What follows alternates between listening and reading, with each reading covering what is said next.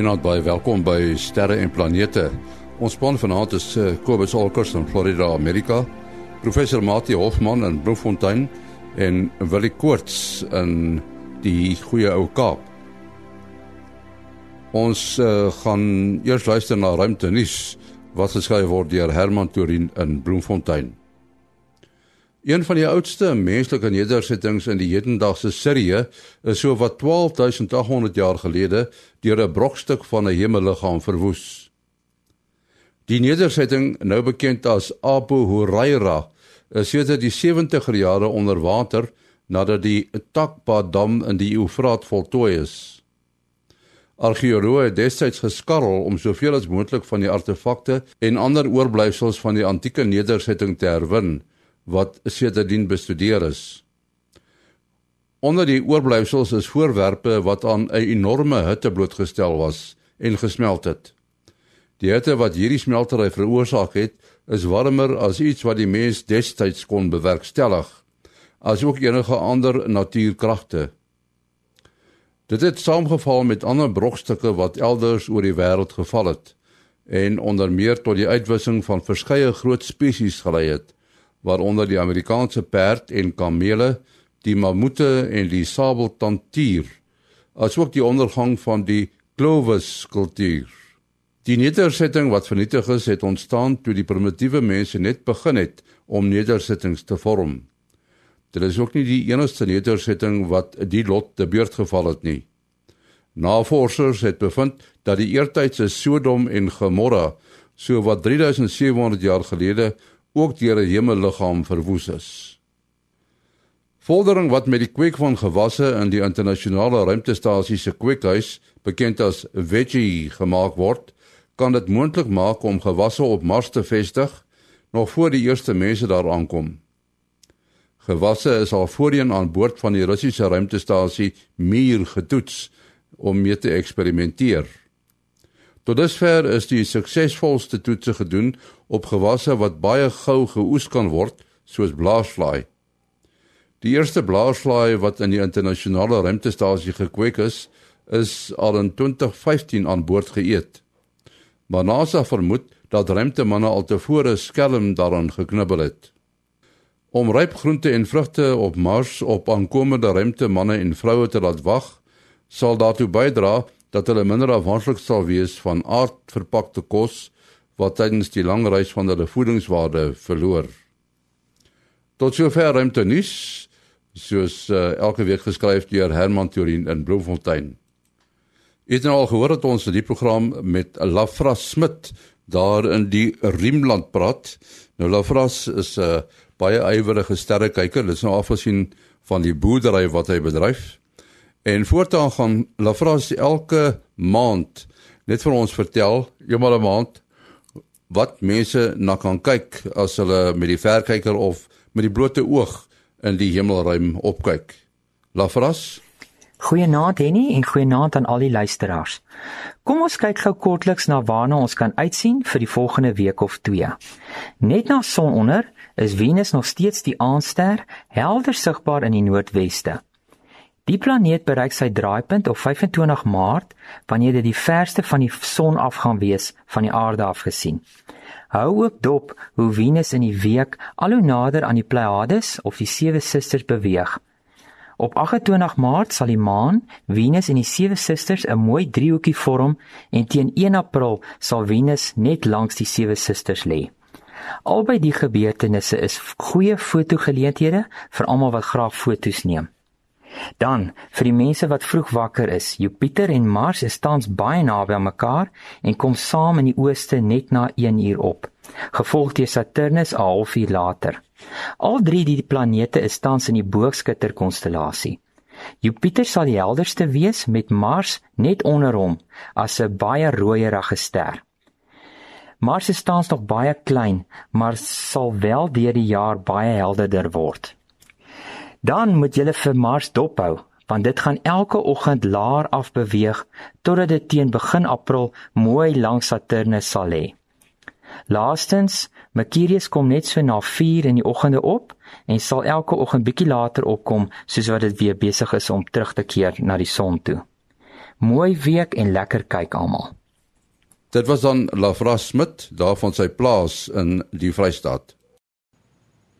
Nou as Kobus by is, eh, dan uh, luister ons gewoonlik eers na die sogenaamde ruimte weervoorspelling. Miskien voor jy begin Kobus, uh, wat is die verskil tussen 'n ruimte weervoorspeller en 'n gewone een?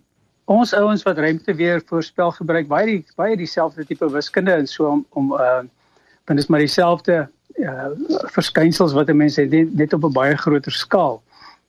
Die ouens wat weer voorspellings doen, kyk na die energie uh wat die klimaat verskaf en die uh onmiddellike energie en die balans enige enige ding soos die aarde het nou 'n klomp energie wat van die son afkom. Daai energie veroorsaak bewegings in die atmosfeer en in die oseane en oral.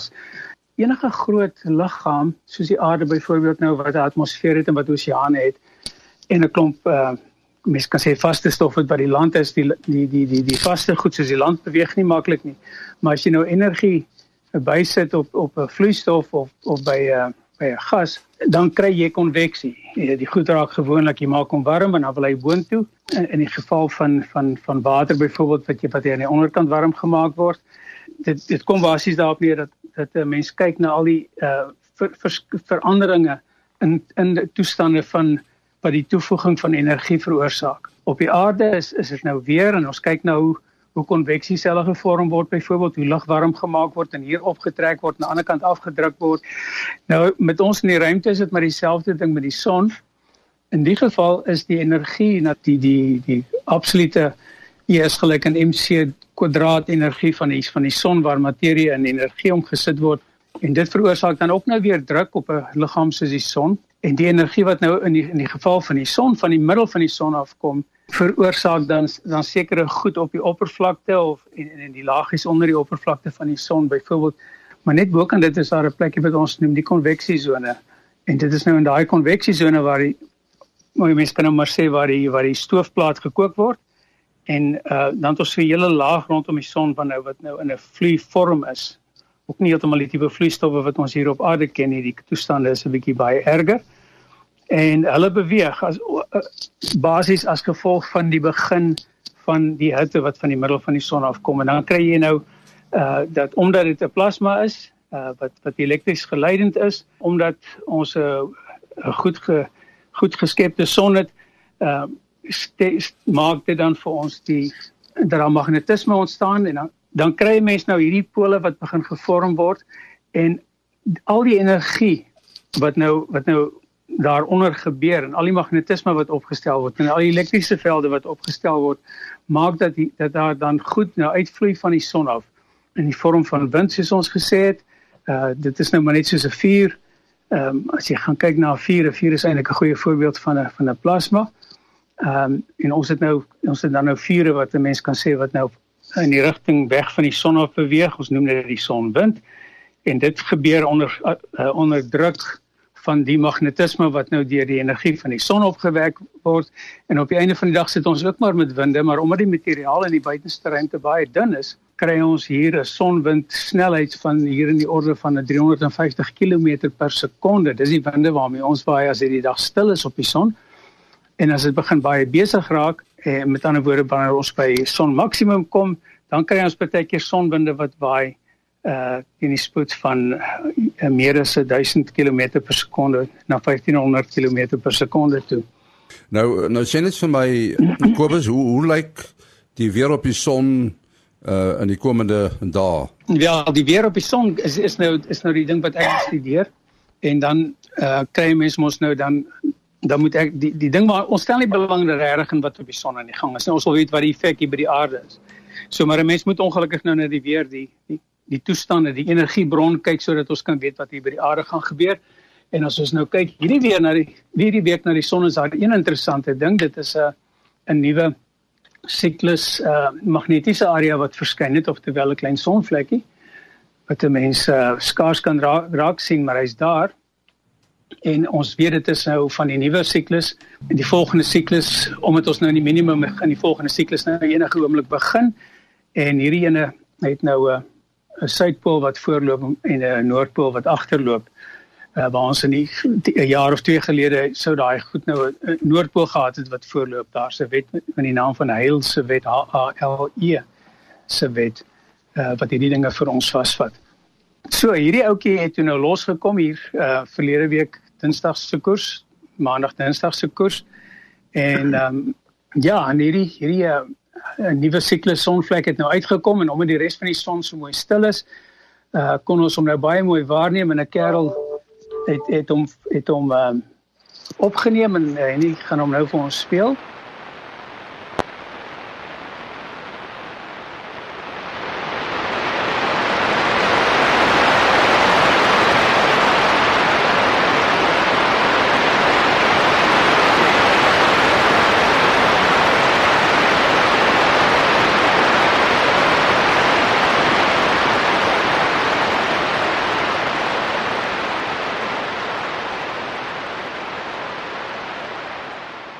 En soos jy kan hoor, ons het nou na die son geluister, die agtergrond van die son en ons het daarna geluister in die kortgolfband. En dit is nou tipies wat 'n mens kry as so as so fakkel nou begin uit die uit die uit die uh nat gedeelte van die son, die beweegbare, die die die vloeibare deelte van die son nou in die fotosfeer in beweeg en in die korona in beweeg, dan het ons nou hierdie klank gehoor wat jy gehoor het wat so meer intens geraak het vir 'n ruk en dit het die, dit was die tyd wat hy omgeneem het om 'n gevorm te raak. Uh 'n baie interessante opname wat die man vir ons gemaak het. Hy sal teen maandag, dinsdag sal hy sal hy geo-effektief wees hierdie aktiewe area. Hy lyk van elk, elk in elk geval baie beperk en baie eng. Ehm um, ek dink hy sit maar net in mooi lyk as 'n mens na die die ehm um, uh, satellietfoto's van die son kan kyk, uh, sal mens hom duidelik sien aan die voorkant van die son so hier op 30 grade onder die uh, onder die ewenaar. So dit is dan die enigste aktiewe areas wat ons hierdie week het en is um, natuurlik die korona gate aanbetref het, het ons hier teen Woensdag Donderdag verlede week het ons toe al 'n mooi groot geraas gekry van 'n korona gaatjie af wat ook so aan die onderkant van die son sit. Ons uh, kortgolf mense het daarvan goed te wete gekom. Uh, Kobus, uh, ek wil net gou-gou ietsie uh, vra nou aanduiding van hierdie sonvlek wat hulle nou sê aan die tot die nuwe siklus uh, behoort weens die omgekeerde magnetiese polariteit ten opsigte van die sonvlekke wat nou gedomeineer het in die siklus wat nou vas dan nou aan die verbygaan is. Nou in die in in ons boekie boekie sterre en planete het jy sulke interessante diagramme die sogenaamde skoenlapper diagramme ingesluit En as ek dit hmm. nou reg onthou, deel dit uit dat tydens 'n siklus dan verskuif die, breedtegraad. Uh behalwe hoe ver daardie uh sonvlekke tipies vanaf die son se uh se ewenaar is is uh, jy nou uh, daar geverwys na 'n 30 grade afstand uh van hierdie bepaalde sonvlek. Is as daar nou 'n nuwe siklus begin begin die sonvlekke dan weer verder vanaf die ewenaar? En as dit nou 'n einde van die siklus is beweeg dit nader aan die uh, aan die ewenaar of is dit andersom? Hoe werk daai storie nou weer? Ehm um, ja, dit is baie maklik om vir onsself voor te stel. As jy twee skole het, een met met seuns en een met meisies en hulle is op die twee uh pole van die son geleë. Ehm um, die seuns is kom sê nou maar die meisies is noord en die seuns is suid. En soos wat die tyd aangaan, dan kom hulle al hoe nader aan mekaar. Hoe nader hulle aan mekaar kom, hoe meer word daar gekuier hoe meer moeilikheid kan jy verwag. En dis presies dieselfde met die son. Jy het nou hierdie klomp pole wat nou bo by die pole begin. Die jy sien 'n hoofsaaklike klomp uh uh noordgerigte aktiwiteit en in die suide van die son, in die fisiese suide van die son sien nou suidgerigte aktiwiteit vir hierdie tyd van die siklus. En dan wanneer ons by son maksimum kom, hierdie goed beweeg dan al hoe nader en nader en teen die tyd wat hulle nou amper teen mekaar, amper by die by mekaar is op die op die ewenaar, dan het ons son maksimum. Dan het jy nou 'n klomp noordpole wat van sê maar van bo af kom, 'n klomp suidpole van onder af en dan is die velde verskriklik intens tussen die tussen die magnetiese uh, eienskappe wat nou op die op die oppervlak van die son lê. En dit is dan nou dit werk met ander woorde in die in die siklus begin gewoonlik uh op minimum. Ehm um, net soos wat 'n mens maar 'n sinusgolf teken, jy begin maar altyd daar by 0 rond. So as, as ons by 0 sit, dit is nou op hierdie stadium, dan is die die uh, goed baie ver van die van die ewenaar af en soos wat ons oor uh 'n klomp jare nou weer by son maksimum gaan uitkom, dan gaan dan gaan die klomp uh, magnetiese aktiewe areas gaan dan almal hierso rondom die uh, ewenaar van die son uh, so in sulke baie duidelike groepe sit jy kan dit nie mis nie. Goed, ons het hier 'n brief van uh, Roset Jordan daar van Tilbag.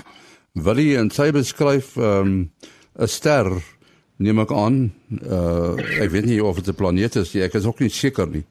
Uh, sy woon uh, uh, noord van Tilbag so tussen die berge. Dis die Winterhoek berge wat in die noorde lê. En sy het uh, gesien 'n ster beweeg stadig wes teen dieselfde spoed as die ander hemelliggame. En uh, die ster het nou elke keer nou en dan weggeraak. Nou wil sy nou weet uh, nou dis wat my nou eintlik plan is seker is in die vlamme wat uh, en die blou-groen flikkering van die ster uh, wat sy gesien het. Ek wonder wonder waarna verwys hy?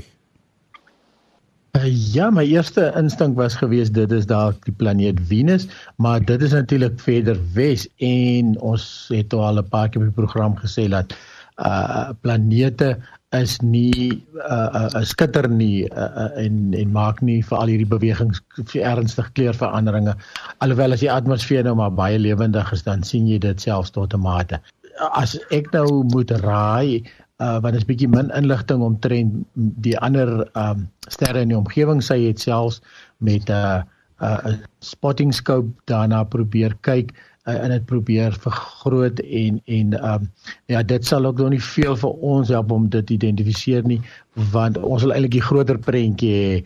Um maar uh, sy kan dalk vir haar sterkaart gaan aflaai sê by www www.skymaps.com gaan dit af na die suidelike halfrondkaarte toe en um, en en dan kan jy hom lekker ophou en en net seker maak ons praat van die regte ding maar dit klink vir my soos die ster Sirius wat netlik die helderste ster in die naghemel is. Nou Sirius is nogal geneig om presies wat sy hier sê te doen veral as dit begin te afsak nader aan die horison. Op die oomblik is Sirius amper bo kan ons koppe uh vroeg aan so later in die aand gaan hy wel onder soos soos sy sê daar. En ja jy kry ongelooflike kleurverskille uh, uh veral as die atmosfeer lekker besig is na 'n warm dag. Jy kry die warm lug wat opstyg en dan hierdie um erge kleurveranderings en en uh, ek neem aan die vlamme het sy amper deur die teleskoopie gesien want dit is nogal ongelooflik hoe lewendig so 'n ster in 'n in 'n in 'n teleskoop kan wees. En 'n interessante ding wat jou wat die groep fotograwe moet probeer is um vat jou kamera, vat 'n redelike wyhoek lens, sit hom op lang beligting soos op op die B of die bulb setting uh of dan net sê 'n 30 sekonde beligting of so. Uh jy sal dit net kan doen as dit donker is en uh mik na serieus en beweeg die kamera. Nou dit klink nou snaaks, jy gaan 'n klomp strepe op jou foto kry en dit is presies wat jy kry, maar die ongelooflike ding is om te kyk hoe daai strepe van kleur verander. Die, die hele tyd het jy ander kleure wat daar wat daar uitkom. So ek sou raai dit is dit, dit is die ster Sirius wat sy sien. Sy het nou ook gesê dit is dalk 'n bietjie noord. So as sy haar rigting reg het, dan sou mens dalk ook Aldebaran kan oorweeg as 'n moontlikheid want hy het bietjie meer noord as Sirius. So dit hang nou net af hoe ver noord hy uh, hy hy, hy lê. Uh, maar dit sal maklik wees in 'n onderskeid te kan uh, kan sê want Sirius is die maklikste ster so sy sal hom kan vind uh, naby die drie konings bietjie suid van die drie konings. Uh maar Sirius vertoon wit en Aldebaran vertoon duidelik rooierig. En uh, Aldebaran lê nou in daardie kon sê amper A-vormige groepie sterretjies so op die punt uh, wat deel nou van die konstellasie Taurus is. So ek dit, dit waarskynlik een van die twee. Daar's nog 'n ander helder ster in die noorde, Capella, maar hy's te laag om as jy nou tussen die berge daar by Tilbag is, dan sal jy nie Capella kan sien. Hmm. So Sirius soos jy gesê het, uh of Aldebaran indien dit 'n bietjie meer noord is. Ons ja, soos jy gesê het, as jy nou die drie konings gebruik, en jy trek 'n lyn na die een kant toe, na die linkerkant toe, dan kom jy by by Aldebaran uit. En as jy 'n lyn reguit met die drie konings na die ander kant toe trek, dan kom jy by Sirius uit. So ja, so dit dit sou ook ja. Ja. Ja. Ja, jy kan dan dan uh, ja, dis so dis 'n goeie manier. As jy links gaan van die die konings dan sal uh, dis die ster waarvan sy praat, dan sit Aldebaran en sy regs moet gaan dan moet dit Sirius wees. Ja, ons het al baie in die program gepraat oor die Voyagers, Voyager 1 en 2. Nou lyk dit vir my Mati dat uh, Voyager 2 gaan uiteindelik afgeskakel word. Ja, dit sal aan die een kant nie verbasend wees nie want uh, hy sal wat van in die middel 1970s uh is hy al aan die werk en het hy data teruggestuur en hy beweeg al verder van die son af. So dit is al moeiliker. Wel hy kry sy energie van 'n uh, kernenergiebron uh, in die vorm van isotoopwarmte nie in die vorm van kernreaksies nie, maar vervalreaksies en dan werk hy sy elektrisiteit met die termoelektriese effek op.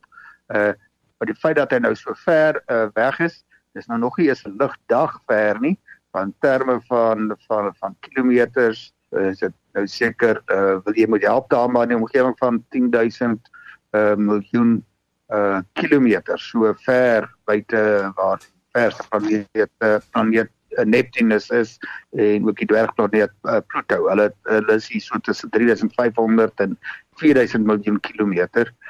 Die die die sein word al al swakker blootweens die weens die uh afstand met jou jou synsintensiteit neem af met die kwadraat van die van die van die afstand en dan is die vraag ook oor die hele oefening wat jy moet doen om almekaar uh met die die die, die data te ontvang te ontleed en seker te maak uh die toerusting werk soos wat hulle moet werk ek uh, daar's 'n hele paar mense wat uh, voltyds daarmee besig gehou word en dan net jy hierdie tydsvertraging.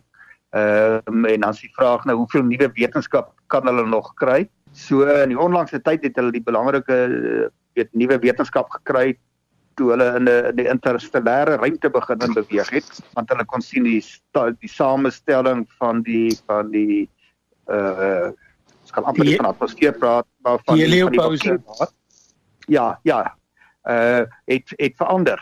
Uh, toe hulle nou die domein van die van die son oorheers tot daar waar die die die sterwende die die materiaal wat van die sterre afkom die samestelling uh daarvan kon hulle duidelike verskil sien nou gaan dit nie vinnig verander nie tydens daardie oorgang uit die heliopause uit na die interstellêre ruimte het dit uh oor 'n tydperk van uh, van maande kon hulle die verskil sien maar as jy nou eers in interstellêre ruimte uh, inbeweeg dan gaan dit sover ek kan raai gaan dit nie baie interessante nuwe inligting uh, na vore bring nie.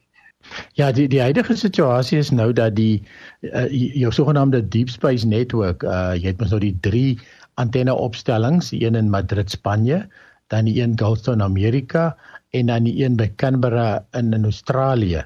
Um en met hierdie drie enige tyd soos die aarde draai, kan jy by enige van die drie stasies met die um met die ruim met die diep uh ruimte voorwerpe praat. Nou die Canberra se se groot ou skottel is die enigste een wat bevele kan oplaai na na Voyager 2 toe. Um die die ander kan wel nog ontvang en hierdie Canberra skottel gaan nou vir 11 maande van lyn af om um, baie baie broodnodige uh, instandhoudingswerk uh, gedoen te kry. So alhoewel hulle dan met die res van die stasies nou nog die uh, data kan ontvang, um, as iets sou verkeerd gaan en hulle moet skielik 'n bevel opstuur na Voyager 2 toe, sal hulle dit ongelukkig nie kan doen in in 11 maande nie. So die die die ruimtetuig self is natuurlik taamlik autonoom. Dit kan baie van sy eie besluite neem, kan sy eie foute regmaak ensovoorts, maar daar is van tyd tot tyd nodig om uh, om om 'n bietjie te help hier van die aarde af. So as daar dan enige iets verkeerd gaan in hierdie 11 maande tydperk wat die die skottel van lyn af is, kan dit moontlik beteken dat hulle nie weer met Voyager 2 kan kontak maak nie afhangende natuurlik van hoe hoe, hoe ernstig hierdie hierdie fout gaan wees. Ja, so dit is 'n interessante sameloop van omstandighede hierso. Ek sien dit is nou 17 ure en 8 minute en 37.4719 sekondes wat hy ver is van ons af. Dis so lank as wat dit lig neem oh. om hier aan te kom van hom af. Ek wonder nou van Voyager 1 Ja, Voyager ja. Voyager 1 is is is omtrent 149 atom atomic units van die van die ag atomic units. Astronomic units. As dit nou sê hier nie. As dit nou sê hier van die daar weg en en Voyager 2 is 123. So is so 'n bietjie verder die die Voyager 1 ehm um, het ek net nou gesien is omtrent so 20 ure ligure weg van ons af. En dit pat ons om ons nou na daai een kerel toe wat wat ons geskryf het Pieter Syfert oor gevra het oor die spoed van donker. En wat baie interessant is, ons weet wat die spoed van lig is. Die wiskunde sê dit vir ons pragtig mooi en al die fisika en die dinge. Maar maar dit hang nou af waarna mens kyk. Ehm um, normaalweg is donker maar die afwesigheid van lig. So donker is maar net so flink soos wat lig is want hy gee pad so vinnig as wat die lig by hom gebeur lig word natuurlik gedra deur fotone wat teen teen daai snelheid nou hulle kant bring. Uh maar dis as as mens nou 'n bietjie van 'n ander kant af nou daai ding kyk is dit 'n baie interessante ding. Uh want ons het mos nou donker materie en donker energie wat die mense nou uh oorgepeins het en bepeins het en, en gedink het uh nou uh planne gemaak het en gesê dit is nou die die dinge wat aan die gebeur is maar daar is nog nie enkelde wetenskaplike wat weet regtig wat dit is nie. En dalk gaan hierdie vraag uh van Pieter baie baie interessant raak so oor 'n jaar of twee wanneer hulle nou uitgepleis het wat is wat is donker nou eintlik? Ja, dit laat my ook in die donker. Ons moet afsluit uh Kobus jou besonderhede. Dis Kobus Olkers by gmail.com K O B U S O L C K E R is by gmail.com. En dan Mati? 0836257154 0836257154 En dan Willie. As 0724579208